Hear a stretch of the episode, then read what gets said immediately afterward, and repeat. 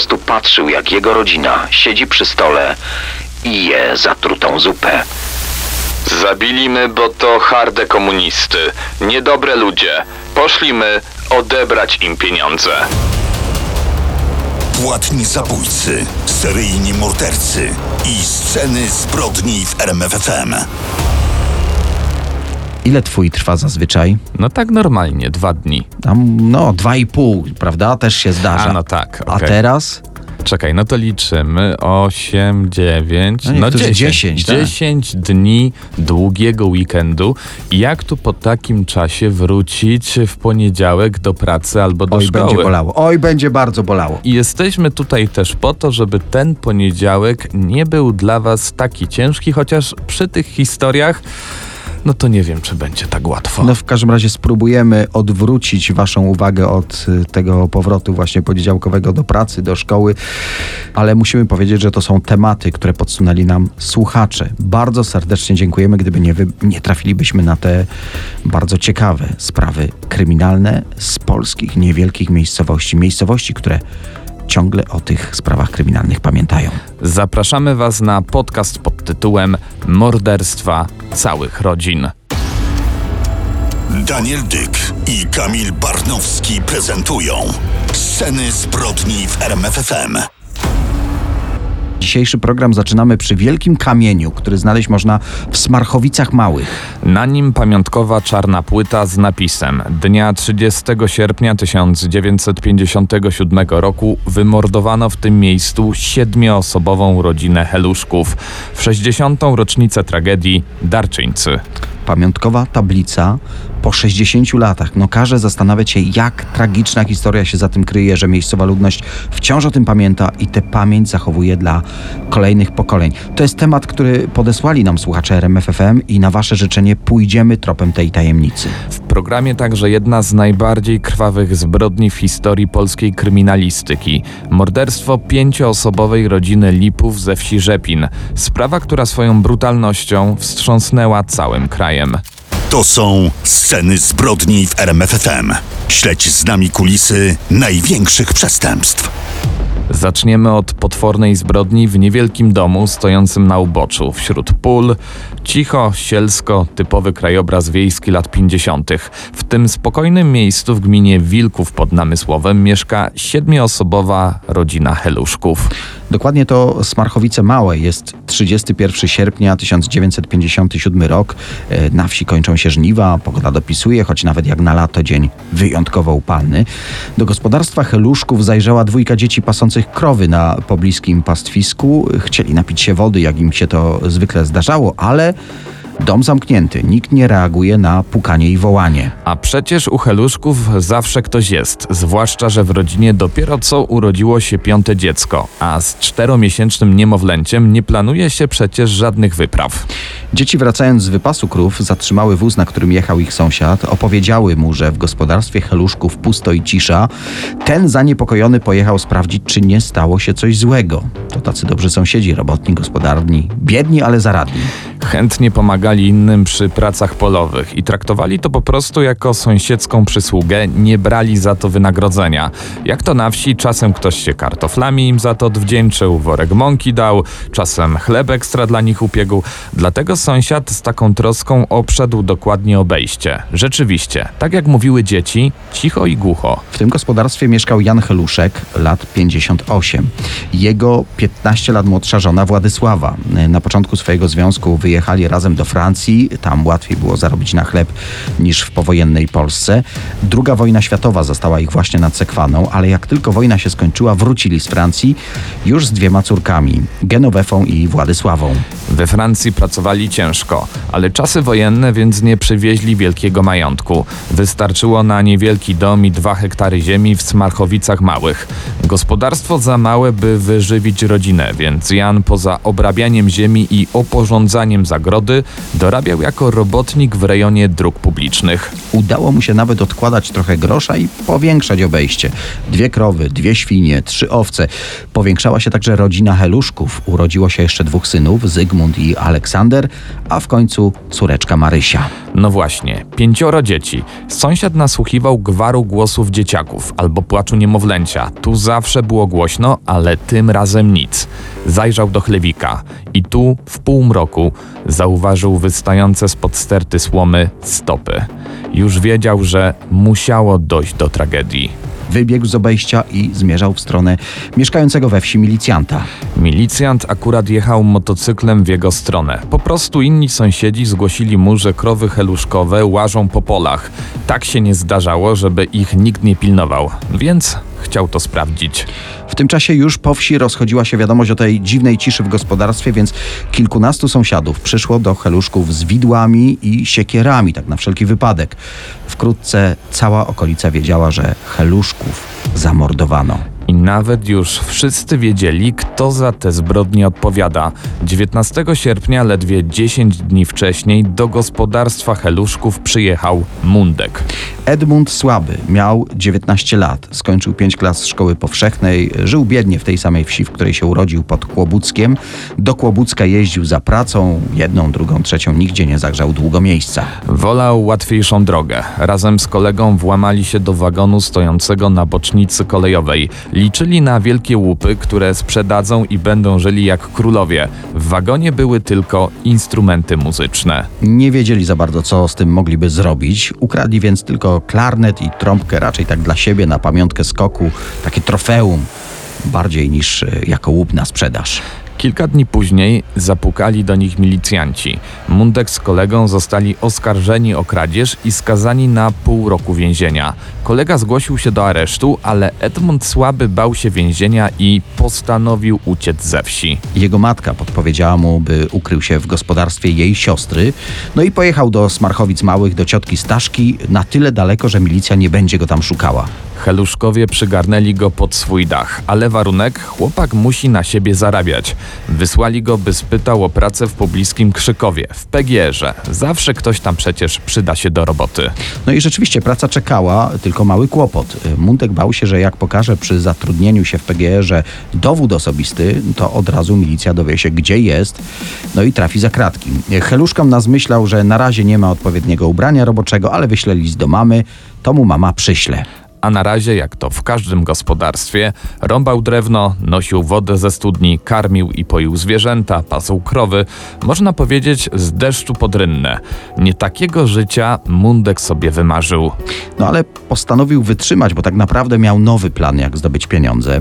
Już na drugi dzień po przyjeździe do ciotki podsłuchał, że no, planują kupić do gospodarstwa konia i drewniany wóz.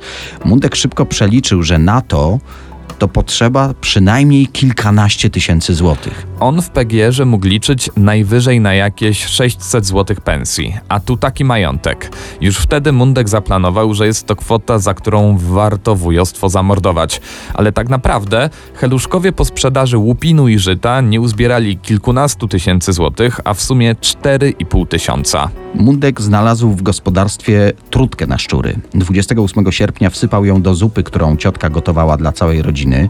Gdy zawołała go na obiad, wymówił się, że boli go brzuch. No po prostu patrzył, jak jego rodzina siedzi przy stole i je zatrutą zupę. Czekał, aż zaczną umierać, ale mijały godziny, a tu nic. Jego kuzyni mieli jakieś sensacje żołądkowe, ale na tym się skończyło. Ciotka i wujek żadnych objawów. Heluszków uratowało to, że trutka na szczury była stara i zwietrzała. Mundek postanowił zmodyfikować swój plan. Następnego dnia wieczorem przygotował ze znalezionego w gospodarstwie drutu trzy pętle. Schował je i poszedł spać. Rano obudził się jeszcze przed świtem, ubrał się i włożył przygotowane wieczorem druciane pętle do kieszeni. Poszedł na podwórko po siekierę, którą wujek kazał mu rąbać drewno. Tak uzbrojony wszedł do chlewika, w którym Jan Heluszek rozrzucał widłami słomę. Mundek zaszedł go od tyłu, zamachnął się i uderzył z całej siły siekierą w głowę wujka. Zadał mu jeszcze trzy ciosy i ciało przykrył niedbale słomą. Teraz kolej na ciotkę.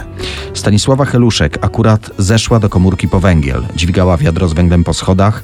Mundek zaczekał, aż dojdzie do góry i tu uderzył siekierą. Na wszelki wypadek poprawił jeszcze raz. Jego plan szedł bez zarzutu. Siekierę zostawił przy ciele ciotki. Teraz czas zająć się kuzynami, którzy bawili się na podwórku. Starszego, dziewięcioletniego Olesia zwabił za stodołę i pokazał mu coś na niebie. Gdy chłopak spojrzał w górę, Edmund zarzucił mu drucianą pętlę na szyję i zaczął skręcać drut tak mocno, aż przeciął delikatną skórę chłopca. Wtedy zawołał siedmioletniego Zygmusia i użył drugiej pętli. Ciała kuzynów zaniósł do chlewika i położył obok zwłok ich ojca. Mundek cały plan obmyślił wieczorem, działał więc z zimną krwią. Wiedział, że czas zająć się kuzynkami. Szesnastoletnia Gienia rozpalała ogień w kuchennym piecu. Kucała. Mundek przewrócił ją na plecy, zatkał usta ścierką, żeby nie krzyczała i zacisnął ręce na jej szyi. Na martwe ciało rzucił narzutę z łóżka. Poszedł do pokoju, gdzie dwunastoletnia Władzia właśnie się ubierała. Mundek udusił ją trzecią pętlą z drutu. Ale to niestety nie koniec. Postanowił udusić nawet czteromiesięczną Marysię, która leżała w łóżeczku. Jej ciało także zaniósł do chlebika. W 45 minut, bo tyle to trwało, zamordował całą siedmioosobową rodzinę. Swoją rodzinę, która przyjęła go pod ich dach. Niewyobrażalne bestialstwo i to dlaczego? No właśnie, Edmund Słaby, jakby nigdy nic, zaczął spokojnie przetrząsać dom w poszukiwaniu oszczędności, o których usłyszał. W skrytce w nieużywanym piecu znalazł 4,5 tysiąca, jakie heluszkowie z takim wielkim trudem odłożyli na zakup konia. Były jeszcze srebrne monety, dokładnie 7 sztuk, ale to wciąż nie był ten majątek, te kilkanaście tysięcy, jakich się spodziewał. Był wściekły, ale wciąż działał z zimną krwią. Żeby sąsiedzi się za wcześnie nie połapali, wypuścił zwierzęta z chlewika, by wyglądało, że jak zwykle ktoś o nie zadbał. Zamknął dokładnie dom, wsiadł na rower i pojechał na dworzec w Namysłowie. Tu złapał pociąg i dotarł do Oławy.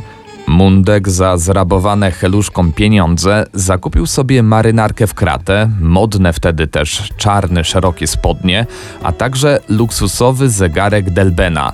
Tak wystrojony pojechał do Bierutowa pod Wrocławiem. Tu miał kolegę i razem wybrali się na zabawę. Mundek był wreszcie panem. Stawiał wódkę, stawiał piwo, ale sam wypił za dużo i postraszył biesiadników atrapą pistoletu. Ktoś zgłosił to na milicję. E, Mundek próbował uciekać, złapał pociąg do Piławy Górnej, ale tu pod Dzierżoniowem już czekała na niego milicja. Przetransportowali go do Namysłowa 2 września i tu omal nie doszło do linczu. Cała okolica chciała zabić mordercę heluszków. Kobiety wręcz chciały go rozerwać na strzępy za zamordowanie niemowlęcia. Milicji z trudem udało się zapobiec linczowi. Mundek tłumaczył później, że zamordował swoją czteromiesięczną kuzynkę z litości, żeby nie zmarła z głodu w męczarniach. Edmund Słaby w trakcie śledztwa i procesu symulował chorobę psychiczną i może nawet udałoby mu się przechytrzyć biegłych psychiatrów, ale pochwalił się współwięźniom, że robi z sędziów wariatów. Sąd skazał go na karę śmierci. Wyrok wykonano 9 września 1959 roku. Został powieszony w więzieniu w Opolu. To był ostatni wyrok śmierci, jaki wykonano na Opolszczyźnie. Warto dodać, że dom Heluszków został uznany za przeklęty. Obawiano się, że po tak wielkiej tragedii ich duchy będą tam straszyć, więc zburzono zabudowania i dziś można odnaleźć jedynie fundamenty.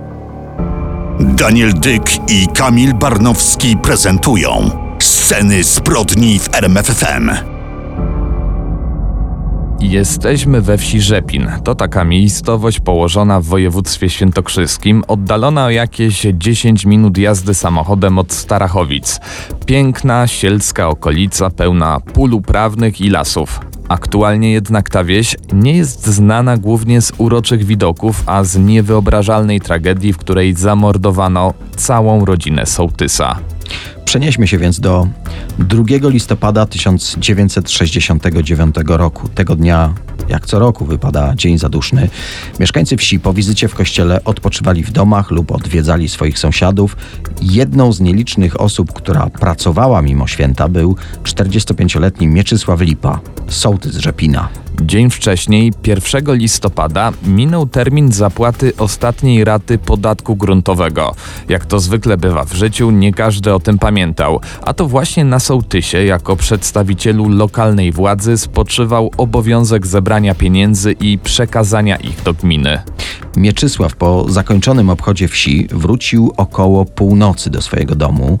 Mieszkał tam z mamą, 27-letnim bratankiem Władysławem wraz z żoną w ciąży i 54-letnią bratową. W sumie pięć osób. Rodzina cieszyła się bardzo dobrą opinią w okolicy, a sam sołtys był pomocny, jak to określano, uczciwy. 2 listopada 69 roku wieczorem wiał przerażająco silny wiatr. Z racji, że były to zaduszki, niektórzy mieszkańcy wsi wierzyli, że to dusze potępione nie mogą dostać się do nieba, stąd ten huragan. Cała rodzina Lipów poszła spać, aby wypocząć przed kolejnym dniem. Sen mieszkańców Rzepina na pewno nie był tej nocy spokojny. W dodatku około godziny drugiej całą okolicę obudził dźwięk syren straży pożarnej.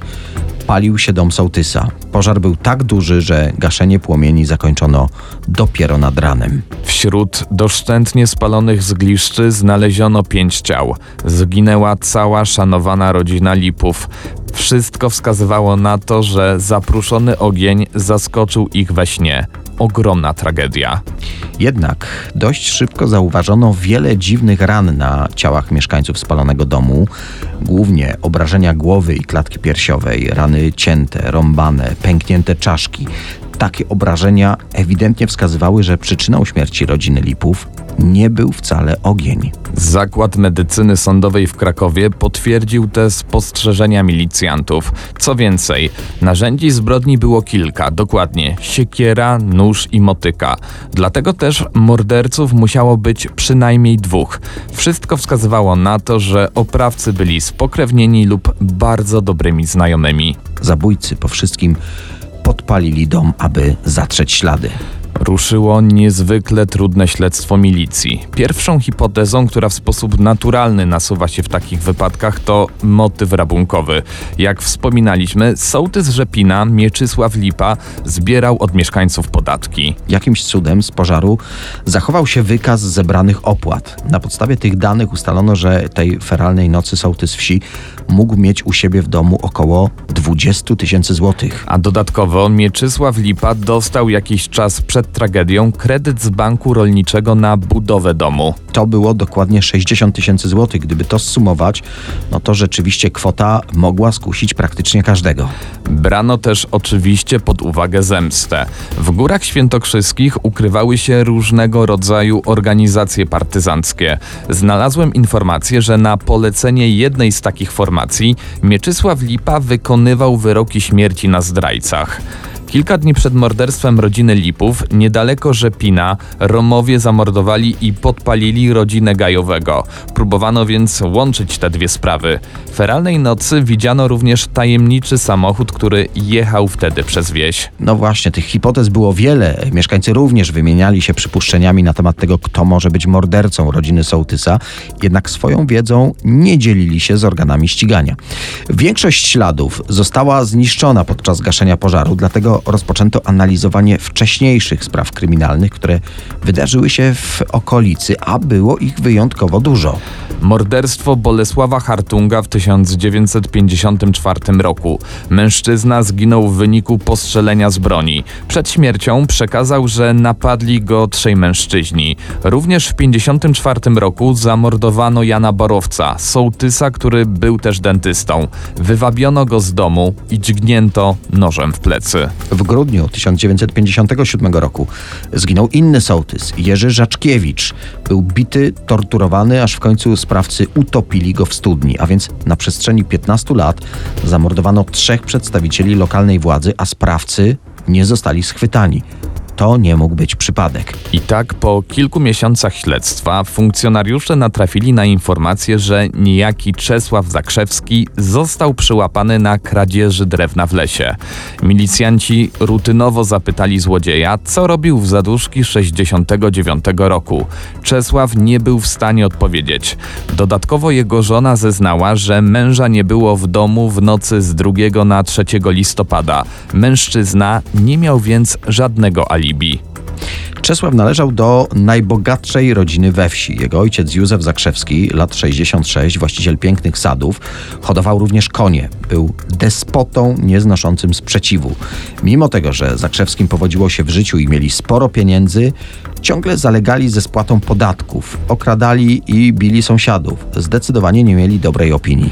Wiele wskazywało na to, że śledczy trafili na właściwy trop. Czesław został aresztowany, jak wspomnieliśmy, z powodu kradzieży drewna. Tak naprawdę był to tylko pretekst, bo milicjanci dotarli do informacji, że mężczyzna ma coś wspólnego z morderstwem rodziny Sołtysa. W tragiczną noc był widziany, jak kręci się obok domu państwa Lipów. Jednak Czesław wszystkiemu zaprzeczał, a właściwie to przez trzy miesiące milczał. Później zaczął symulować chorobę psychiczną. Płakał, czołgał się po korytarzu, jednak badania wskazały, że jest poczytalny. Śledczy, wiedząc, że sprawa nie posuwa się naprzód, postanowili podejść Czesława podstępem. Do jego celi trafił inny osadzony. W rzeczywistości był to agent milicji, którego zadaniem było zdobycie zaufania Zakrzewskiego, a następnie zdobycie jakichkolwiek informacji. I tak w lipcu 1970 roku za namową milicjanta pod przykryciem Czesław Zakrzewski napisał list do Radia Wolna Europa. Przyznał się w nim do wszystkich bestialskich zbrodni. Zgodnie z radą współosadzonego poinformował, że morderstwa były wymierzone przeciwko władzy komunistycznej. Czesław uwierzył, że to uratuje go od kary śmierci, a agenci Radia Wolna Europa wywiozą go na zachód. Następnego dnia w celi przeprowadzono rewizję. Szybko znaleziono wiadomość, w której Czesław Zakrzewski przyznaje się, że razem z ojcem i młodszym bratem zamordował rodzinę Lipów. Napisał również, że razem z ojcem zamordował trzech innych mężczyzn, o których już wspomnieliśmy: Hartunga, Borowca i Żaczkiewicza. Były też napady, rozboje, prawdziwa litania poważnych przestępstw. Po tym liście sprawa ruszyła naprzód. Aresztowano Józefa Zakrzewskiego i jego młodszego syna Adama. Mężczyźni wielokrotnie zmieniali swoje zeznania i dopiero pod koniec procesu przyznali się do winy. Zakrzewscy zamordowali rodzinę Lipów i tutaj zacytuję relację z sali rozpraw, bo to harde komunisty, niedobre ludzie. Poszli my odebrać im pieniądze. Bezpośrednią przyczyną tej tragedii był fakt, że zakrzewscy zalegali z opłatami administracyjnymi, dlatego komornik zarekwirował im świnie. Józef, Czesław i Adam ruszyli więc w noc z 2 na 3 listopada 69 roku do Sołtysa, aby odebrać to, co zabrała im władza. Zakończyło się to śmiercią pięciu niewinnych osób. Tej sprawie występował jeszcze pewien rytuał religijny. Gdy ktoś mocno podpadł rodzinie Zakrzewskich, wydawano na niego karę śmierci. Członkowie rodziny klękali wtedy obok ołtarzyka. Żona Józefa, Helena Zakrzewska, przechylała wtedy zapaloną świecę i wypowiadała słowa: Na zgubę, tutaj padała nazwa rodziny, niech skapnie. Następnie wszyscy powtarzali te słowa i tak trzykrotnie. Wyrok w tej bulwersującej sprawie mógł być tylko jeden. Kara śmierci dla Czesława i Józefa Zakrzewskich. Egzekucję wykonano w lutym 72 roku. Adam, który został skazany na 25 lat więzienia, powiesił się w celi. Mieszkańcy Rzepina pamiętali, że Adam Zakrzewski niósł trumnę na pogrzebie Lipów. We wsi mówiono, że po rodzinie morderców nie może zostać nawet kamień na kamieniu. Tak też się stało. Drzewa owocowe, które wcześniej przynosiły Zakrzewskim sporo pieniędzy, zostały wyrąbane na opał, a gospodarstwo całkowicie rozkradzione. Płatni zabójcy, seryjni mordercy i sceny zbrodni w RMFFM.